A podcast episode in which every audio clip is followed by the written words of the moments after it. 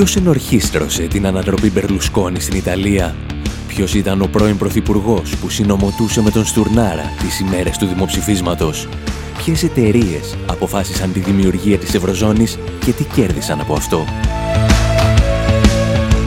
Οι δημιουργοί των ντοκιμαντέρ «Χρεοκρατία», «Καταστρόικα» και «Φασισμός ΑΕ» επιστρέφουν με μια νέα παραγωγή. This is not a coup. Δεν ήταν πραξικόπημα, είναι η Ευρωπαϊκή Ένωση. Μάθε πώς μπορείς να βοηθήσεις και εσύ την ολοκλήρωση του ντοκιμαντέρ στη διεύθυνση infowarproductions.com Η διεύθυνση infopavlawar.gr Η εκπομπή Infowar με τον Άρη Χατζηστεφάνου.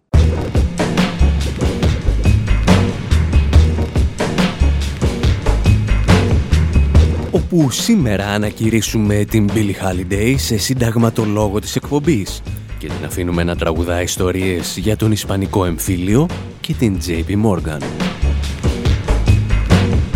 Αναρωτιόμαστε μήπως είναι ανούσιο να καταθέτουμε προτάσεις για τη συνταγματική μεταρρύθμιση και να αφήσουμε να κάνει τη δουλειά κανένας τραπεζίτης. Ταξιδεύουμε μέχρι την Ιταλία και ακούμε έναν αληθινό συνταγματολόγο να μας διηγείται περίεργες ιστορίες για το τέλος του τέλους του φασισμού, αλλά και για την Ευρωπαϊκή Ένωση. Και ύστερα, επειδή σέρνονται και κάτι αλλαγές για τις τηλεοπτικές άδειες στην Ελλάδα, γεγονός που θα επηρεάσει και την Κύπρο, καταθέτουμε και πάλι τις δικές μας προτάσεις. Εισηγητής αυτή τη φορά, ο Ρομπέντον Δασόν. どどどどどど。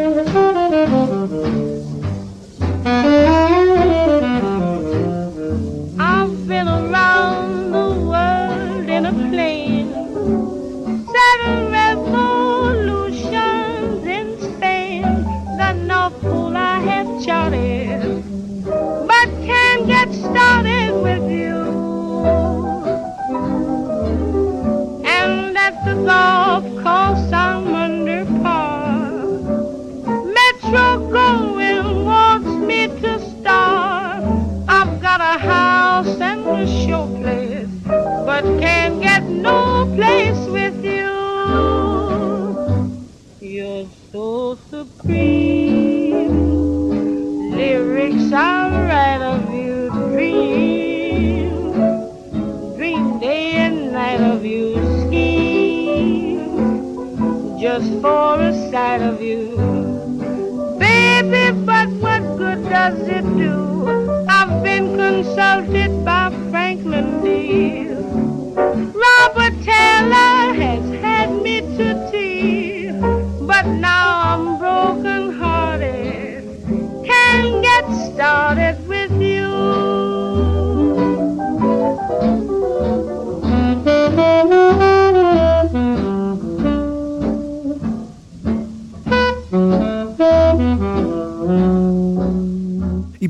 Holiday μας τραγουδά έναν ερωτικό σκοπό του 1936, ο οποίος τυχαίνει να συμπεριλαμβάνει και τις περισσότερες πολιτικές και οικονομικές εξελίξεις που καθόρισαν τον 20ο αιώνα.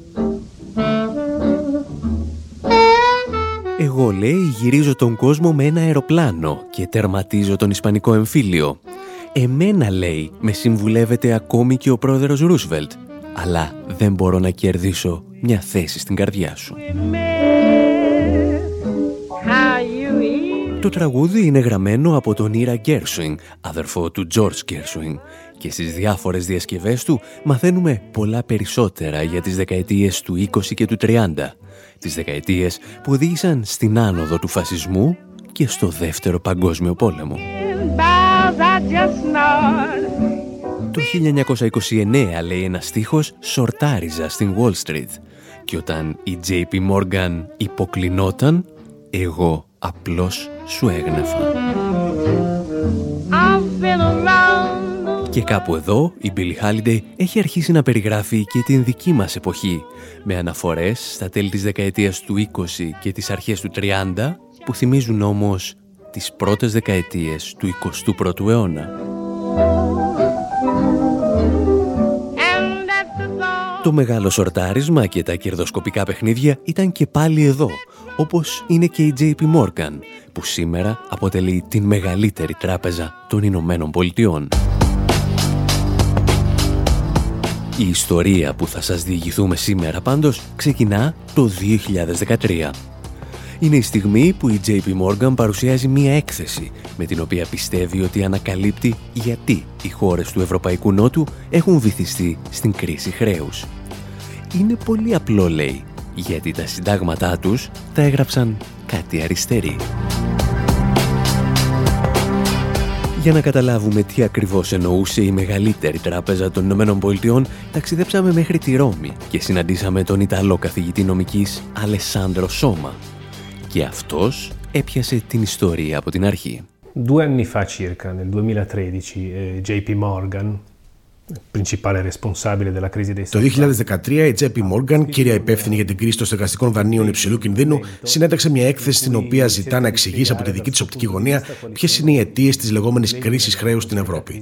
Για την JP Morgan, το πρόβλημα είναι οι χώρες του Ευρωπαϊκού Νότου και ειδικά τα συντάγματά τους. Αυτά τα συντάγματα, πάντα σύμφωνα με τη θέση της JP Morgan, γράφτηκαν από κόμματα της αριστεράς που βγήκαν νικητές από τη μάχη ενάντια στον φασισμό. Da partiti di sinistra usciti vittoriosi dalla sconfitta del fascismo.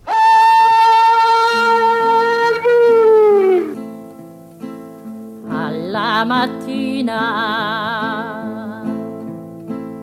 appena alzata. Oh bella ciao, bella ciao, bella ciao,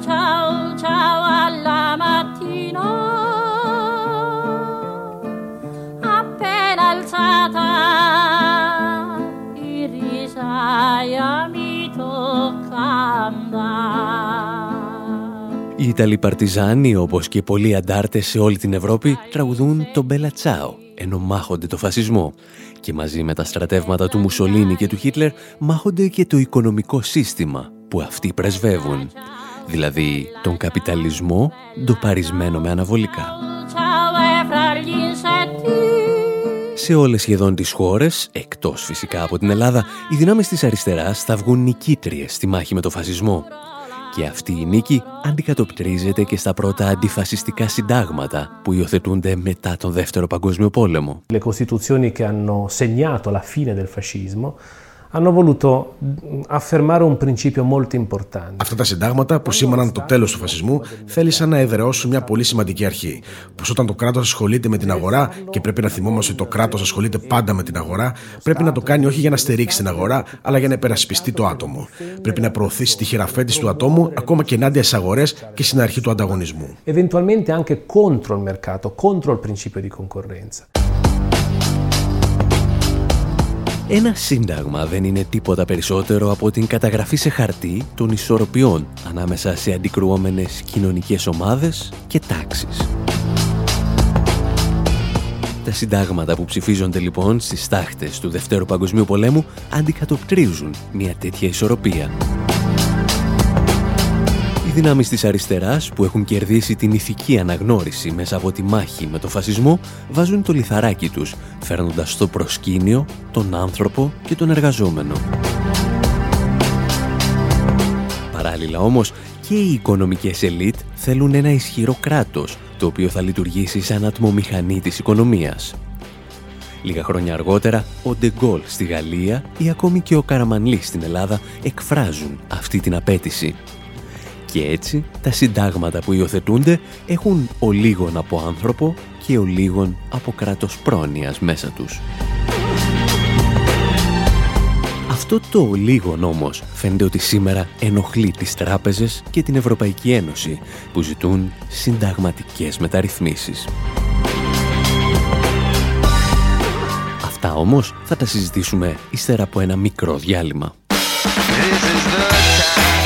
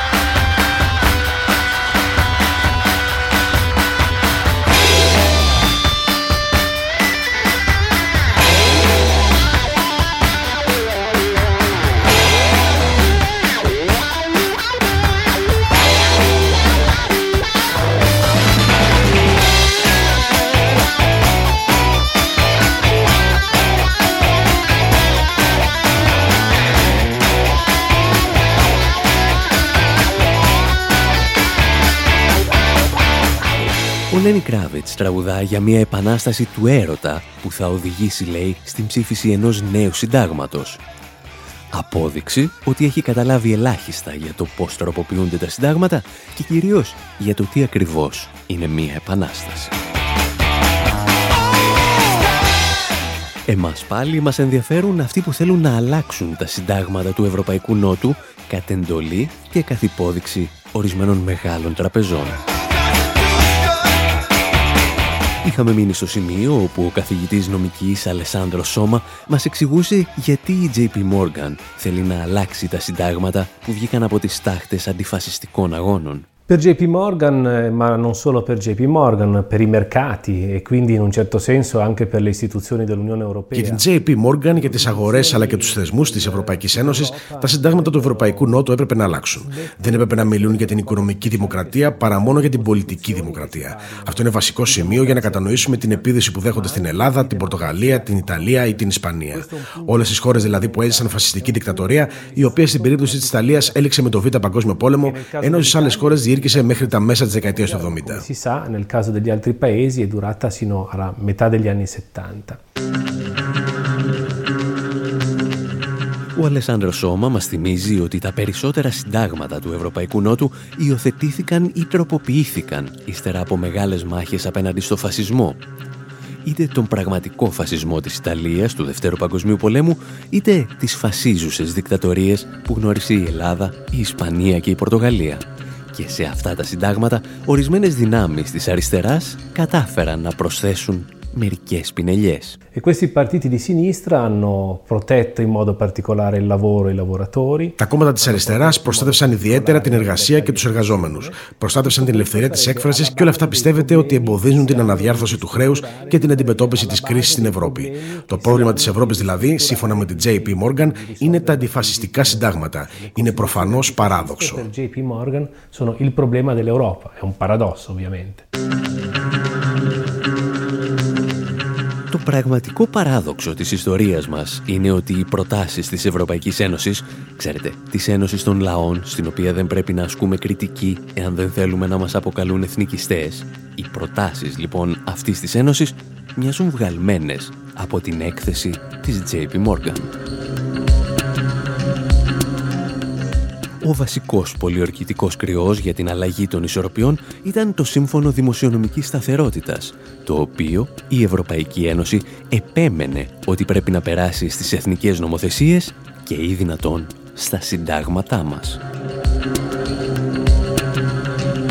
Μας τα εξηγούσε όμως πολύ καλύτερα ο Αλεσάνδρος Σώμα. Il Fiscal Compact ha imposto ai paesi europei l'equilibrio di bilancio e molti paesi europei hanno voluto scrivere Το Δημοσιονομικό Σύμφωνο επέβαλε σε ευρωπαϊκές χώρες τον ισοσκελισμό του προπολογισμού και πολλές ευρωπαϊκές χώρες θέλησαν να γράψουν αυτό τον κανόνα στο Σύνταγμα.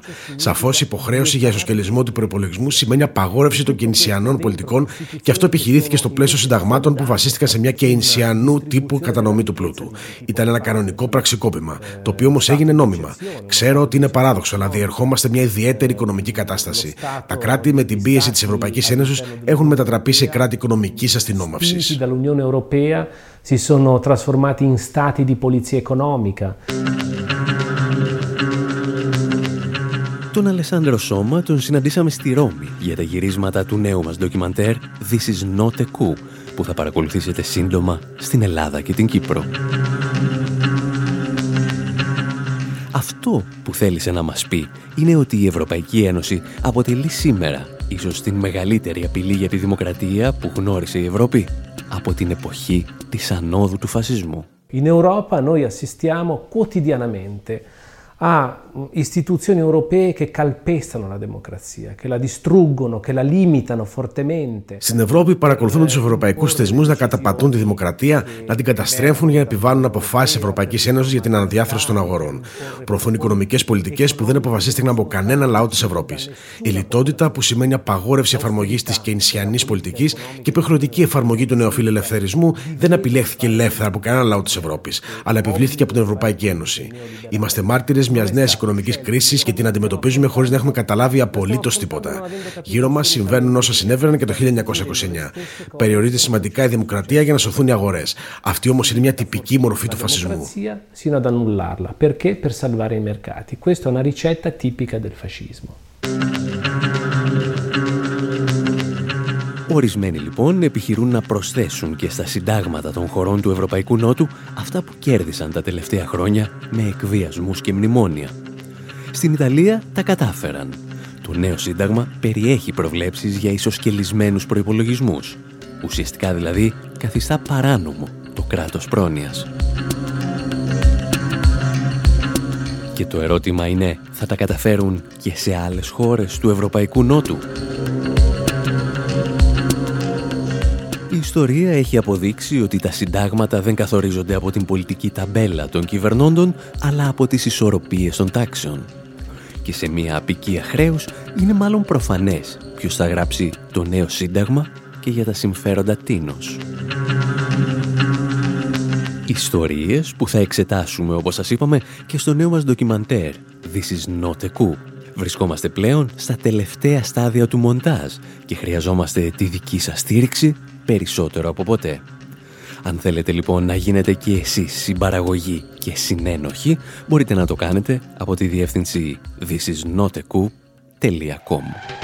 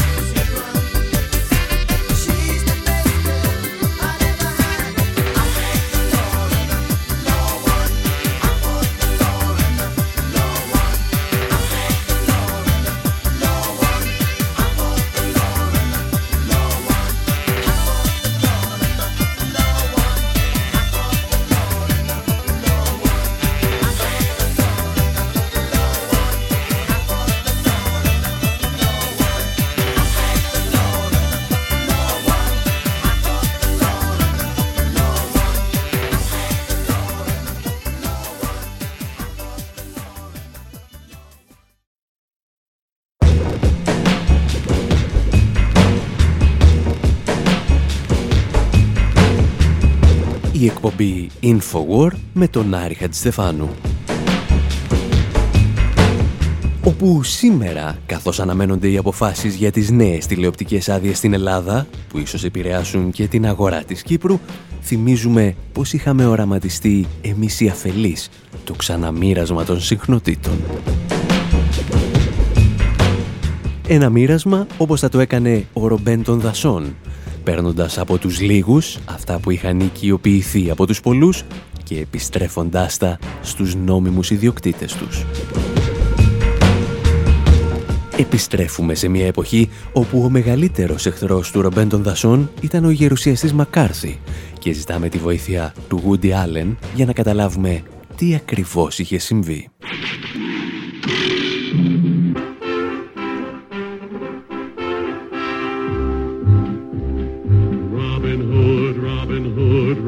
Through the glen. Robin Hood, Robin Hood, with his band of men, feared by the bad, loved by the good. Robin Hood, Robin Hood, Robin Hood.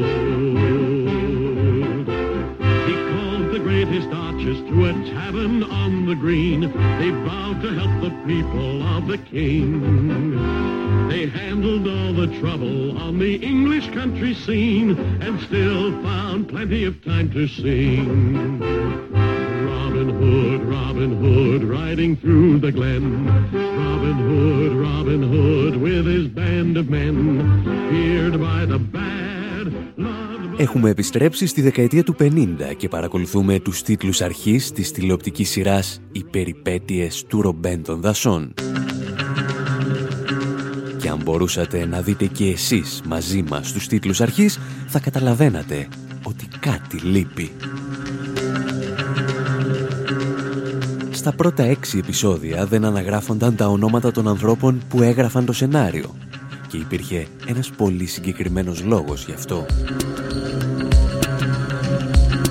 Παραγωγός της σειράς ήταν η Χάνα Βάινστάιν, η οποία δήλωνε δημοσιογράφος, εκδότρια, παραγωγός και αριστερή.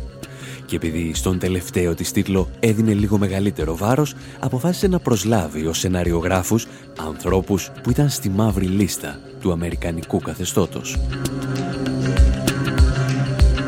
Ήταν, αν θυμάστε, η εποχή που ο γερουσιαστής Μακάρθη έδειχνε το πραγματικό πρόσωπο των Ηνωμένων Πολιτειών.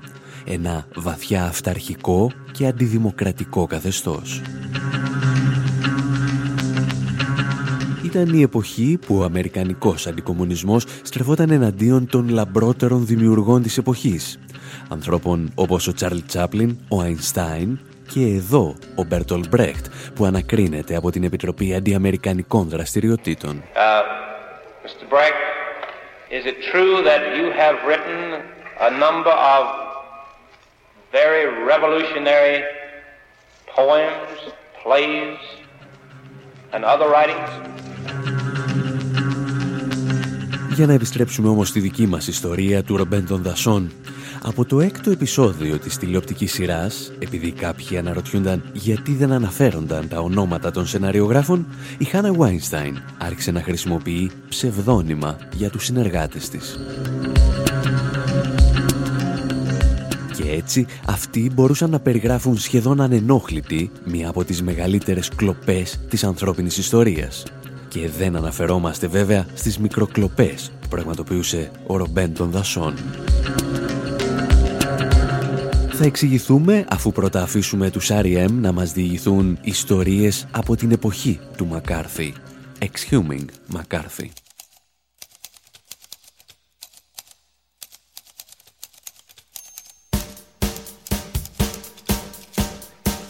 You're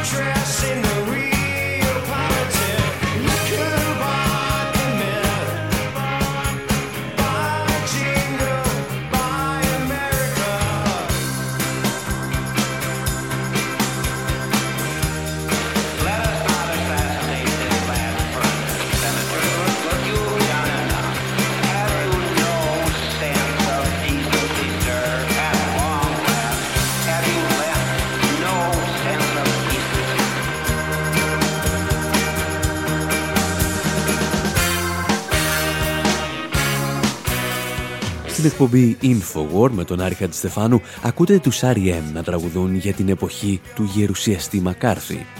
Μια εποχή στην οποία οι σεναριογράφοι της τηλεοπτικής σειράς, οι περιπέτειες του Ρομπέντο Δασόν, διώκονταν για τις πολιτικές τους πεπιθήσεις.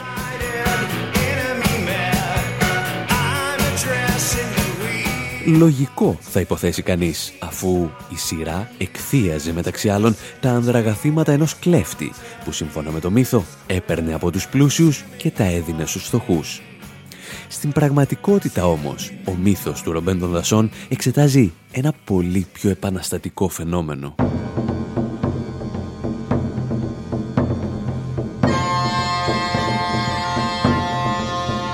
Ιστορικοί διαφωνούν ακόμη και σήμερα εάν ο μύθος του Ρομπέν των Δασών στηρίζεται σε ένα υπαρκτό πρόσωπο που έζησε το 13ο αιώνα στην Αγγλία. Επίσης διαφωνούν εάν ακόμη και στο μύθο ο Ρομπέν των Δασών δήλωνε πίστη στον βασιλιά ή αμφισβητούσε το σύνολο της κρατικής εξουσίας. Η δεύτερη εκδοχή θα τον έκανε ακόμη πιο ενδιαφέρουσα περίπτωση στα μάτια μας, αφού το να προσπαθείς απλώς να αναδιανύμεις τον πλούτο των πολλών προς τους λίγους, αποδεχόμενος την εξουσία του κράτους, σε καθιστά στην καλύτερη περίπτωση και ενσιανό, στη χειρότερη τσαρλατάνο. Εμείς πάντως, από όλες τις επιστημονικές προσεγγίσεις για το μύθο του Ρομπέν των Δασών, θέλουμε να σταθούμε σε αυτή που είχε δώσει πριν από χρόνια ο Νόαμ Τσόμσκι.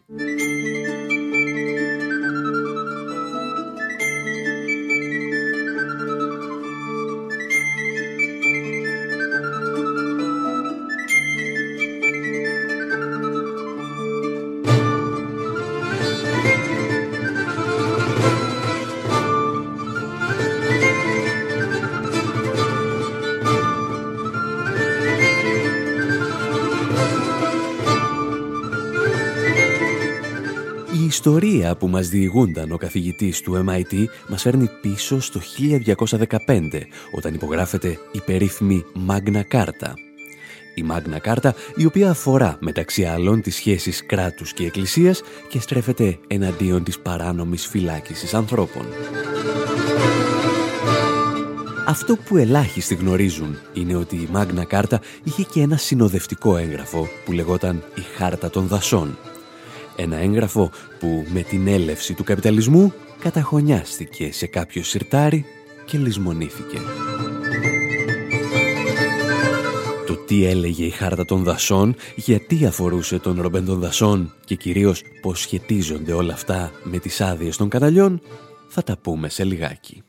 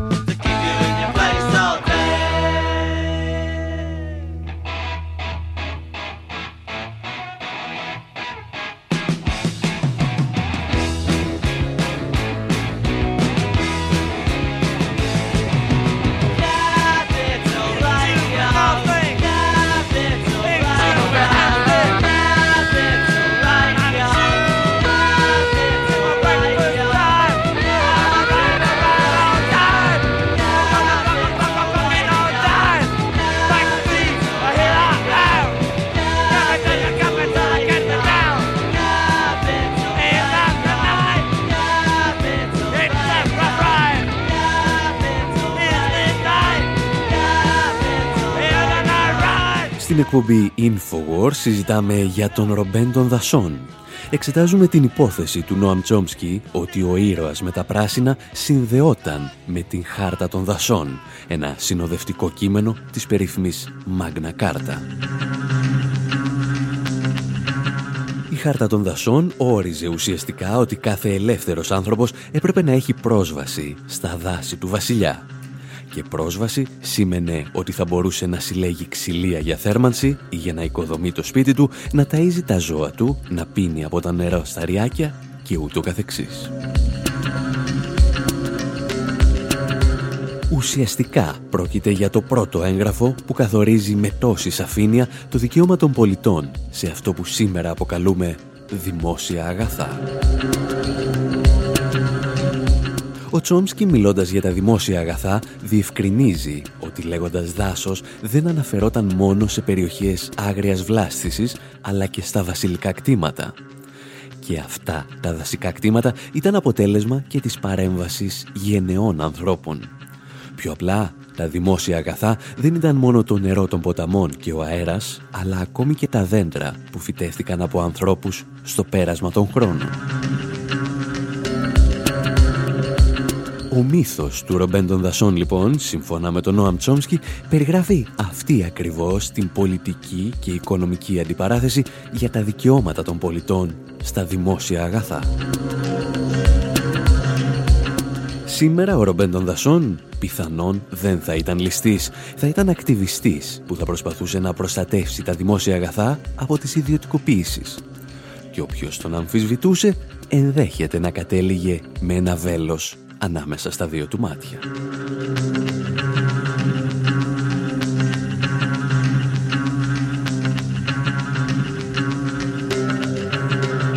Η ξυλία, η τροφή και το νερό των δασών λοιπόν ήταν τα δημόσια αγαθά του Μεσαίωνα, τα οποία άρχισαν να ιδιωτικοποιούνται από το 17ο αιώνα.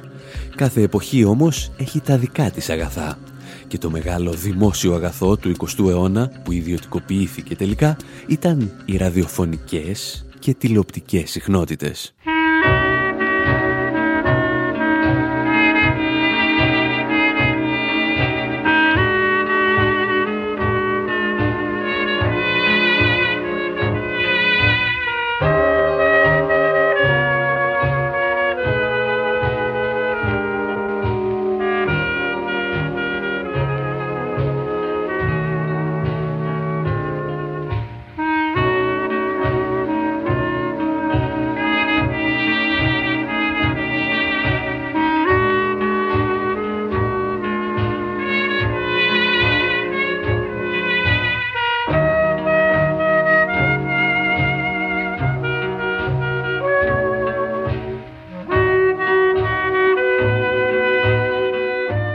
Κομμάτι που ακούτε έκλεινε τις ραδιοφωνικές της εκπομπές η Benny Goodman Orchestra στη δεκαετία του 30.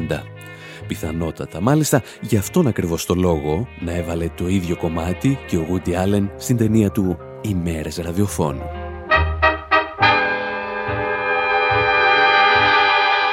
Ο Woody Allen περιγράφει αυτό που ο ίδιος θεωρεί ημέρες δόξας του ραδιοφώνου. Εμείς όμως θα υποστηρίξουμε ότι η ακμή του ραδιοφώνου και κυρίως η επαναστατική του ορμή είχε τερματιστεί μία δεκαετία νωρίτερα. Μέχρι τότε, περίπου δηλαδή στα μέσα της δεκαετίας του 20, η Αμερικανική κυβέρνηση χορηγούσε ραδιοφωνικές συχνότητες σε όποιον τις ζητούσε. Καθώς όμως οι ραδιοσταθμοί άρχισαν να αυξάνονται και η συχνότητα του ενός παρεμβαλόταν στη συχνότητα του άλλου, αναζητήθηκε μία λύση. Και η λύση που επέλεξε το καπιταλιστικό σύστημα της δεκαετίας του 20 ήταν να παραδώσει τις συχνότητες σε επιχειρηματικούς κολοσσούς όπως η RCA και η General Electric. Η λεγόμενη κοινωνία των πολιτών της εποχής αντέδρασε. Καθηγητές, καλλιτέχνες, αλλά ακόμη και θρησκευτικές και πολιτικές οργανώσεις ζητούσαν να μπορούν τουλάχιστον να αγοράσουν ραδιοφωνικό χρόνο. Το αίτημά τους έπεσε στο κενό και η μόνη παραχώρηση έλεγε ότι οι συχνότητες δεν θα είναι ιδιοκτησία των εταιριών, αλλά αυτές θα τις διαχειρίζονται για το δημόσιο συμφέρον. Μόνο που ο νομοθέτης της εποχής ξέχασε να ορίσει ποιο είναι το δημόσιο συμφέρον και κυρίως ποιες είναι οι υποχρεώσεις που πηγάζουν για όσους διαχειρίζονταν τις ραδιοφωνικές συχνότητες. Λίγο αργότερα, παρόμοιες ρυθμίσεις θα παρέδιδαν στους ιδιώτες και τις τηλεοπτικές συχνότητες.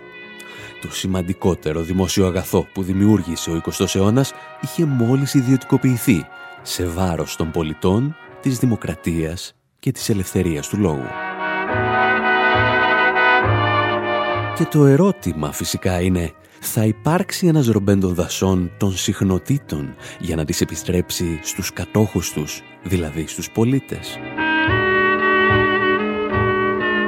Εσείς πάντως να μην ξεχνάτε ποτέ ότι αν σας λείπουμε μπορείτε να μας βρίσκετε στη διεύθυνση info.pavlawar.gr και από εκεί να μάθετε πώς μπορείτε να μας ακολουθείτε και στο Facebook ή στο Twitter.